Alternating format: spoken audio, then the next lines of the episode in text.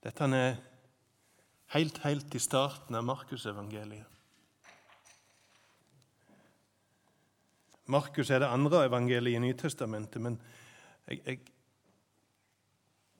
selv om jeg ikke er helt sikker på det, så kan jeg tenke meg at når Markus sitter og skriver, så har han i tankene Når han starter med å fortelle om Johannes, døperen, så har han i tankene de aller siste versene i Det gamle testamentet. Og Hvis du leser de siste versene i Det gamle testamentet fra Malaki, så ser du at han forteller om Elia som skal komme. Profeten som skal komme og rydde, rydde en vei for, for Messias. De ordene står der. Det er de helt siste versene i Det gamle testamentet. Profeten Malaki eller Malakias. Og Så begynner Markus med å fortelle om døperen Johannes, og så står disse versene, ett på hver side av et 400 år stort gap. Og så er det som et rop og som et ekko. Nå har han kommet. 400 år har gjenget. Men det er en avgrunn. Det er en, det er en, en avgrunn av, av, av, nød og krig og elendighet. Med sine oppturer og seire, men også med de store nederlagene i Israel. Og nå ligger de under for Roma for en onde konge.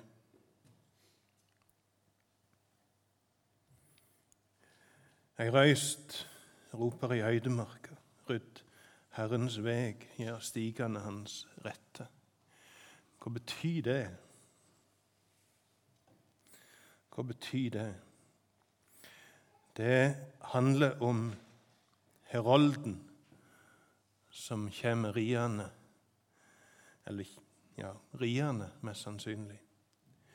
Ehm, for eh, skikken var sånn at hvis kongen hadde tenkt seg på besøk til en by, eller tenkt seg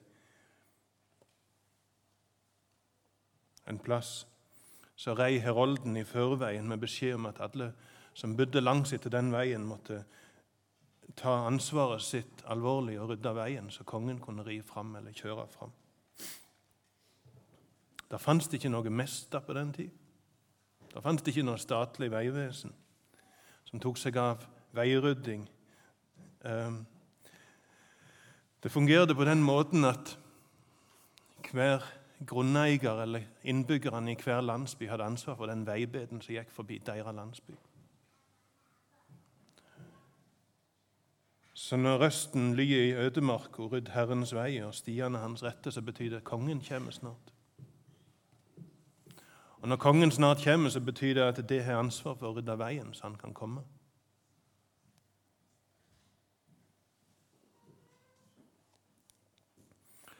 Og så klikket jeg meg inn på Internett i går, og så leste jeg. Hvordan var det i Norge? For 750 år siden ca. så kom Magnus Lagerbøte med sin landslov som samla alle lovene i Norge, deriblant lovene om vedlikehold av vei. Magnus Lagerbøtes landslov fra 1274, som samla disse gamle lovene, antagelig fra Eidsivating og fra Borgarting. Og Der står det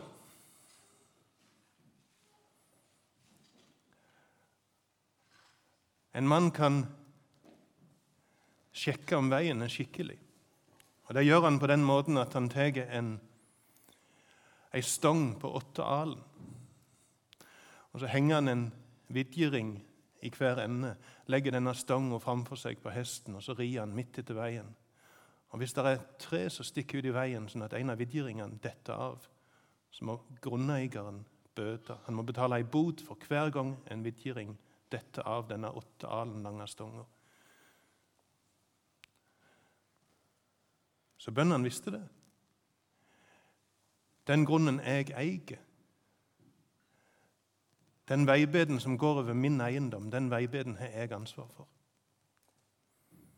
Og De kan komme hvor tid som helst med ei åtte alen lang stong og sjekke har jeg gjort jobben min. Er veien klar til dess kongen skal komme? Og Så gikk det opp for meg en ting når jeg satt i går. Jeg har alltid trodd at når Johannes står fram i ødemarka og roper 'Gjør, gjør klar Herrens vei', så handler det om den veien som Gud skal ri på fram til meg. At Gud, at Jesus må på en måte ha en åpen, fri passasje, fri vei, fri adgang til meg. Men så forsto jeg det er ikke sånn. For I Magnus Lagerbøter sin landslov, og antagelig i Israel for 2000 år siden, så var det sånn at når kongen skulle komme, og herolden kom med beskjed om å rydde veien, så handla det ikke bare om at kongen skulle kunne komme til deg, men han skulle kunne komme til naboen. Og Sånn er det i Magnus Lagerbøte sin landslov.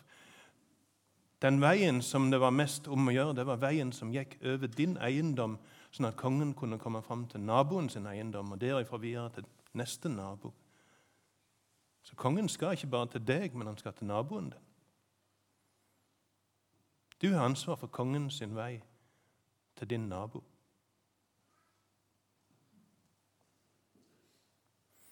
Rydd Herrens veg. Gjør stigene hans rette. Fyll i hullene i veien. Rydd vekk kvistene som stikker ut i veien, så kongen kan ri fram til deg, ja, men også til naboen din. Slik sto døyperen Johannes fram i øydemarka. Han forkynte en omvendingsdåp som ga tilgivning for syndene. Og Fra hele Judea og Jerusalem drog alle ut til han, og de sanna syndene sine og ble døypt av han i Jordanelva. Dette henger i hop med det med å rydde en vei. Det, det følger naturlig på hverandre. Det å sanne synd og si å bli døypt er å åpne en vei for Jesus.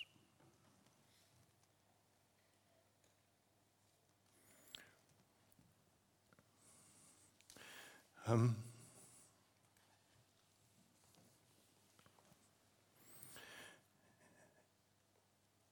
og Vi er gjerne så vant med å høre det at vi ikke tenker over det. Hvis vi hadde levd for 2000 år siden um, På den når, når døperen Johannes sto fram, så ville vi ha vært fylt av en enorme lengsel Israel var Guds utvalgte folk, men det var ikke en profet som hadde stått fram på 400 år. Hva slags, hva slags tanker, hva slags følelser herska i, i, i, i, hjertene til israelsfolket? De var Guds utvalgte folk, men nå var det 400 år siden det var en profet. De lever på en måte på, på arven etter de gamle profetene. De lever i lengsel etter en Messias. Og så kommer det en som står fram i ødemarka, og så, så taler han med sterke stemmer, med sterk overbevisning, og folk strømmer ut. Er dette en profet? Er det endelig kommet en profet til oss igjen?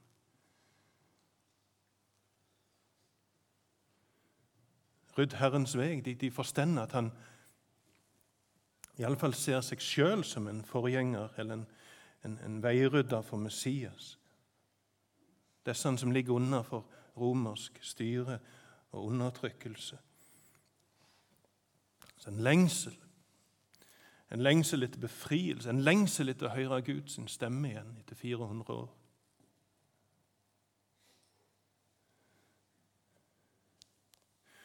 Um, så lengselen på den ene sida, og på den andre sida stoltheten over, over å være Guds utvalgte folk, den, den stoltheten ser vi i Jesu møte med folk i evangelien. En, en, en voldsom stolthet med et, et, eksklusivt folk med Gud har utvalgt dere. Han utvalgte Abraham, han utvalgte Isak, Jakob. Um, så, så, vi ser det hos enkelte av de jødiske lederne at de, de hadde en kolossal stolthet, en, til dels en arroganse. De var Guds utvalgte folk. De var noe helt annet enn hedningene. Hvis en hedning skulle bli jøde, så måtte han bli proselytt. Han måtte, bli en sånn, han måtte få opplæring. Og så måtte han gå gjennom en dåp. Eh, og jødene hadde ikke dåp. Den eneste dåpen jødene hadde, det var proselyttdåpen, når en hedning skulle bli jøde. Så det, det som skjer når Johannes innstifter en omvendelsesdåp Og folk lar seg døype, da sier de egentlig indirekte Jeg stiller meg på linje med hedningene. Jeg har ingenting å komme med, jeg har ingenting å rose meg av. Jeg, jeg har ikke noe fortrinn framfor hedningene. Jeg tar imot dåpen. Jeg går på ny inn blant rekkene i Guds folk. Så den Johannes-dåpen, omvendelsesdåpen, en, en, et, det er dødsstøtet til den der arrogansen som vi ser hos enkelte av de jødiske lederne i møte med Jesus. Selvfølgelig blir vi frelst, vi er jo Guds utvalgte folk, vi er jo Abrahams etterkommere. Nei da, Gud kan oppreise, oppreise etterkommere av Abraham av disse steinene.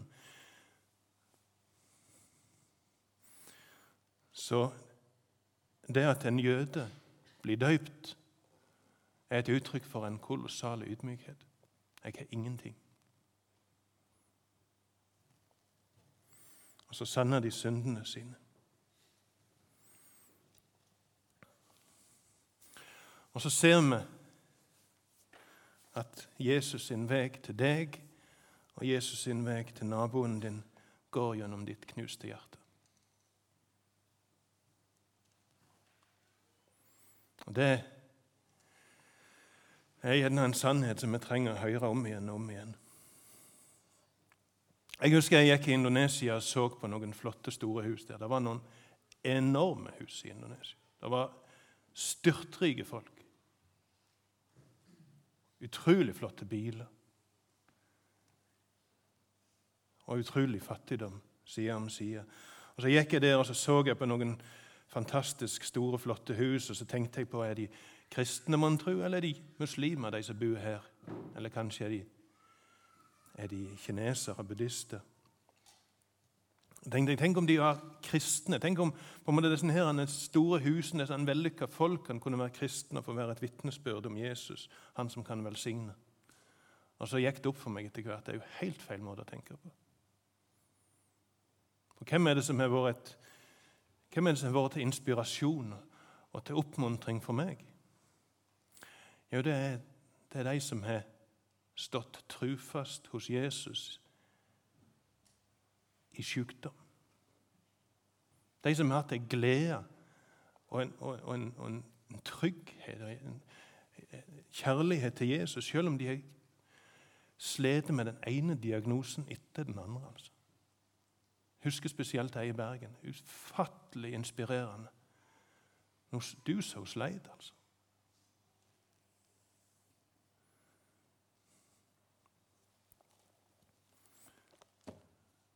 Og Hvis jeg hadde bledd ifra litt sånn fort igjennom her, og så lagd ei liste over de personene du møter i Bibelen som er knuste kar, så hadde den lista blitt ganske lang. Det er ingen lysende, fullkomne, perfekte skikkelser. Noen som gjerne et stykke på vei er det, men de fleste er nokså knuste kar. Og ved at de er knuste kar, så kan Jesus bli herliggjort. Han til ære og pris, som vi hørte fra Efeserne. Så Jesus sin vei til din nabo går gjennom ditt knuste hjerte. Han går gjennom dine sår. Han går gjennom din ærlighet. Og Kanskje noen av dere har opplevd det samme som meg. Litt sånn der han hurlum hei om morgenen, for vi skal på søndagsmøte på bedehuset. Slenging med dører og kjefting og smelling. Jau, nå kommer du! Vi må gå om fem minutter. Og så er det en bil med pottsure folk, og så stiger vi ut av bilen, kler på oss et smil, og kona vil ta armen min, og så går hånd i hånd inn på bedehuset. God morgen! Liksom. Har du opplevd det? For vi har lyst til å være litt sånn fine og pyntelige. Og ja Ingen har lyst til å gå sure inn på bedehuset. Men, eh, men eh, kanskje er det nettopp gjennom sårene våre og smerten vår at vi kan få være et vitnesbyrd om Jesus.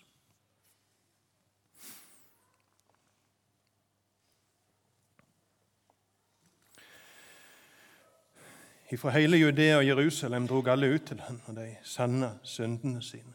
De innrømte det. Og Når de innrømmer synden og når de lar seg døype, så sier de jeg er en sånn som trenger en frelser. Jeg. Og For hver som steg ned i Jordan, så ble det litt enklere for han som kom etter det, å stige ned, han òg. Og innrømme at jeg òg er en synder. Johannes gikk i ei kappa kamelhår og hadde et lærbelte om livet, levde av grashopper og villhonning. Han eh, levde i ødemarka, denne mannen. Var kledd som, som en profet. Var både i klesdrakt og budskapet hans alt minnet om Elias, som hadde levd hva var det, 600 år tidligere. Og så forkynte han det kommer en etter meg som er sterkere enn jeg, og jeg er, jeg er ikke engang verdig til å bøye meg ned og løse sandalreimen hans. Så denne mannen, Johannes, hadde forstand en hel del ting. Og Enten vi vil det eller ikke, så er vi litt sånn som en aure, har jeg tenkt. Vi er som en aure. Han tar farge av den grunnen han lever på. En aure på sandgrunn er lysere enn en aure på, på, som lever på en mørk, mørk grunn. Vi tar farge. Enten vi vil det eller ikke, enten vi innrømmer det eller ikke, så tar vi farge av den verden vi lever i. Og Johannes hadde flytta ut i ødemarka. Og Dermed så kunne han leve og grunna på det han hadde lært hjemme. Gamle testamentet han hadde pugga hjemme. Og så, så kommer det fram en som er 100 seg sjøl og 100 Guds tjener. En som ikke er tatt farge av noen ting annet. Så står han der med en hellig overbevisning om to ting. En hellig overbevisning, en ufattelig sterk overbevisning om to ting. Messias kommer snart. Og dette folket er fullt av synd. Hva så? Jau, hellig overbevisning om synda til Israels folk. Hellig overbevisning om at nå kommer snart kongen. Omvend dere. Så de kan møte han når han kommer. De to overbevisningene brant i han. Og Folk så det på han. Han var dønn ærlig. Og han tok det dønn seriøst sjøl.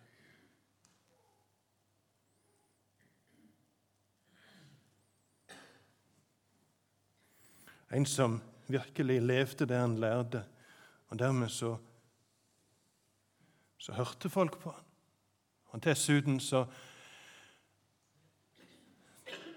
Dessuten så kjente folk seg igjen i det han sa. Sånn er det av og til. Når folk sier sannheten, så lytter folk. For vi vet egentlig hva sannheten er, men bare venter på at noen skal være så modige at de tør å si det. Antagelig litt sånn som Jonas Gahr Støre, har jeg tenkt. Som snakker om elefanten i rommet. Alle veit det. Men han er den første som har tort å si det. Og når han sier det, så veit vi det er sant.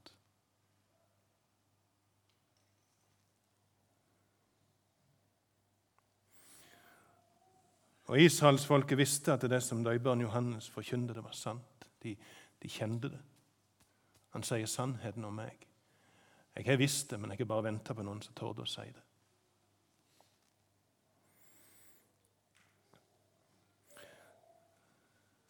Jesus kaller han den største som er født av ei kvinne.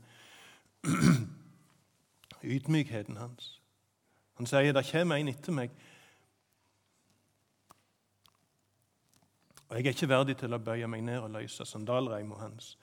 Det var slaven sitt arbeid. Jeg er ikke verdig til å være slaven til han som kommer etter meg. Og For en jøde, hvis han hørte at det kommer en etter meg Så Den som kommer etter, er nødvendigvis mindre i en jøde sine øyre. For en far er alltid større enn en sønn, og en sønn større enn en sønnesønn i en jøde sine øyre. Men ikke sånn hos Johannes. Der kommer en etter meg som er større enn meg. Fordi at han var før meg. Så Johannes har forstått at Jesus er fra evighet. Denne mannen ut av ødemarka har forstått noen dype, store ting. Jesus er fra evighet. Han har forstått at Jesus kommer og skal døpe med Den hellige ånd. Der ute i ødemarka har han forstått det. Jesus kommer og skal døpe med Den hellige ånd.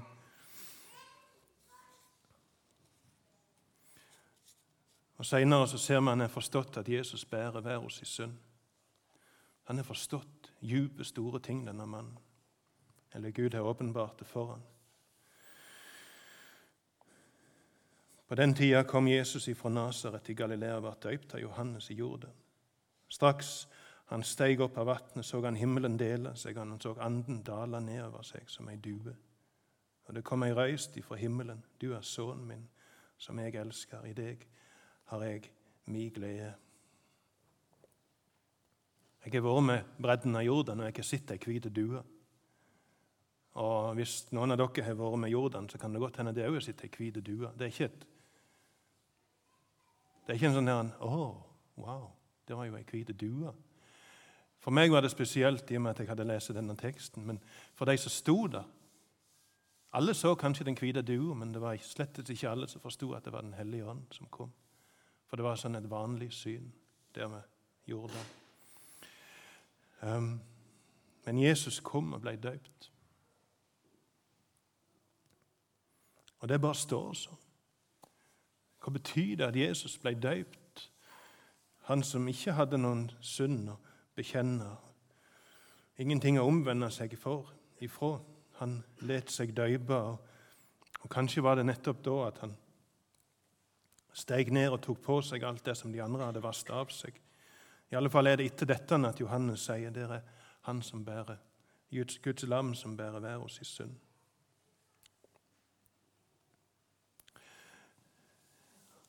En annen ting som ikke Bibelen sier helt tydelig. Hva visste Jesus om seg sjøl? Han ble helt og fullt menneske.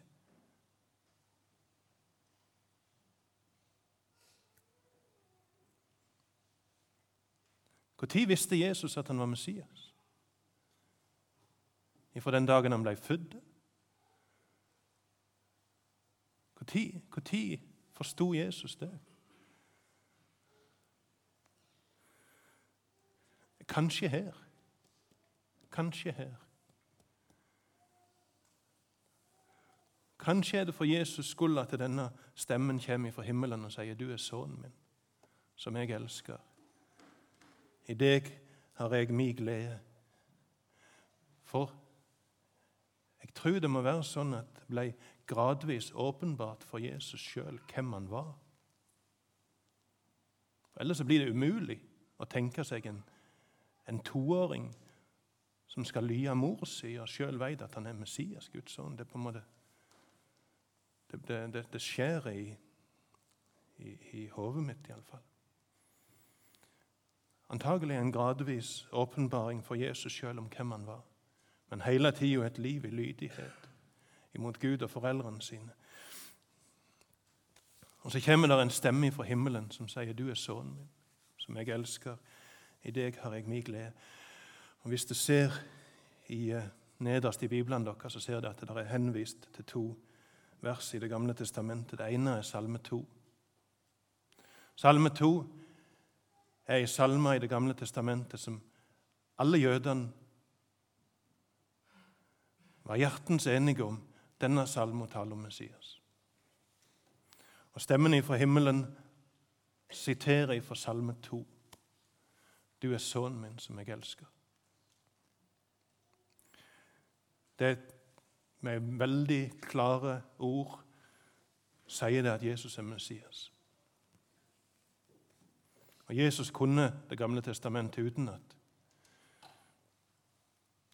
Så når han hører noen ord, så henter han automatisk fram det han har lært. Akkurat som hvis jeg sier 'høye gjest', så tenker det på en julesang. ikke sant?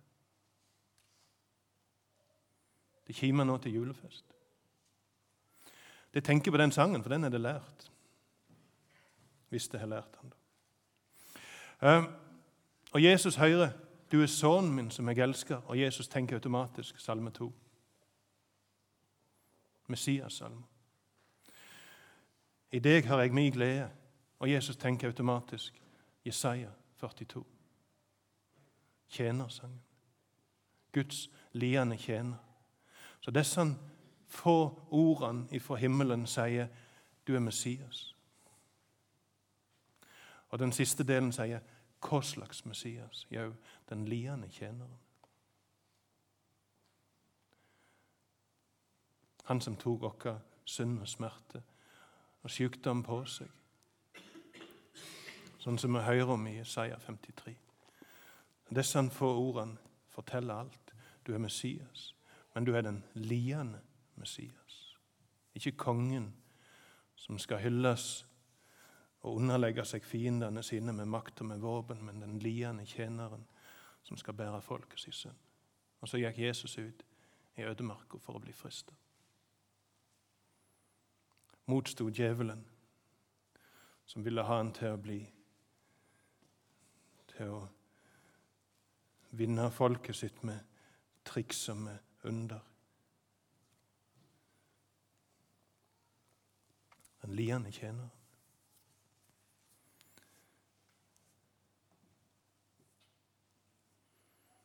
Gud kommer til oss gjennom Jesus sine sår. Han går til naboen din gjennom dine sår.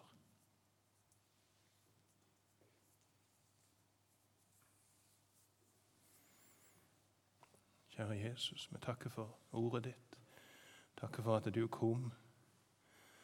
Takker for at du ble frelseren vår, Herren vår, kongen vår. Og så ber vi Jesus om frimodighet og kraft til å tale ærlig om oss sjøl, om deg. Til å våge å kle av oss ei vellykka fasade og vise at vi er syndere, vi er mennesker som av og til har det ganske vondt men vi har en stor frelser. Og vi har en Herre som tar seg av oss, vi har en far som er glad i oss.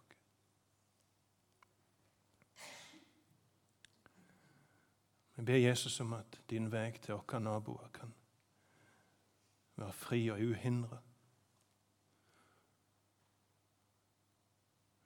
Sånn at naboene våre, våre neste, gjennom våre fallet vår, smerte vår, seier og hva glede kan se den frelseren som de sjøl lengter etter. Amen.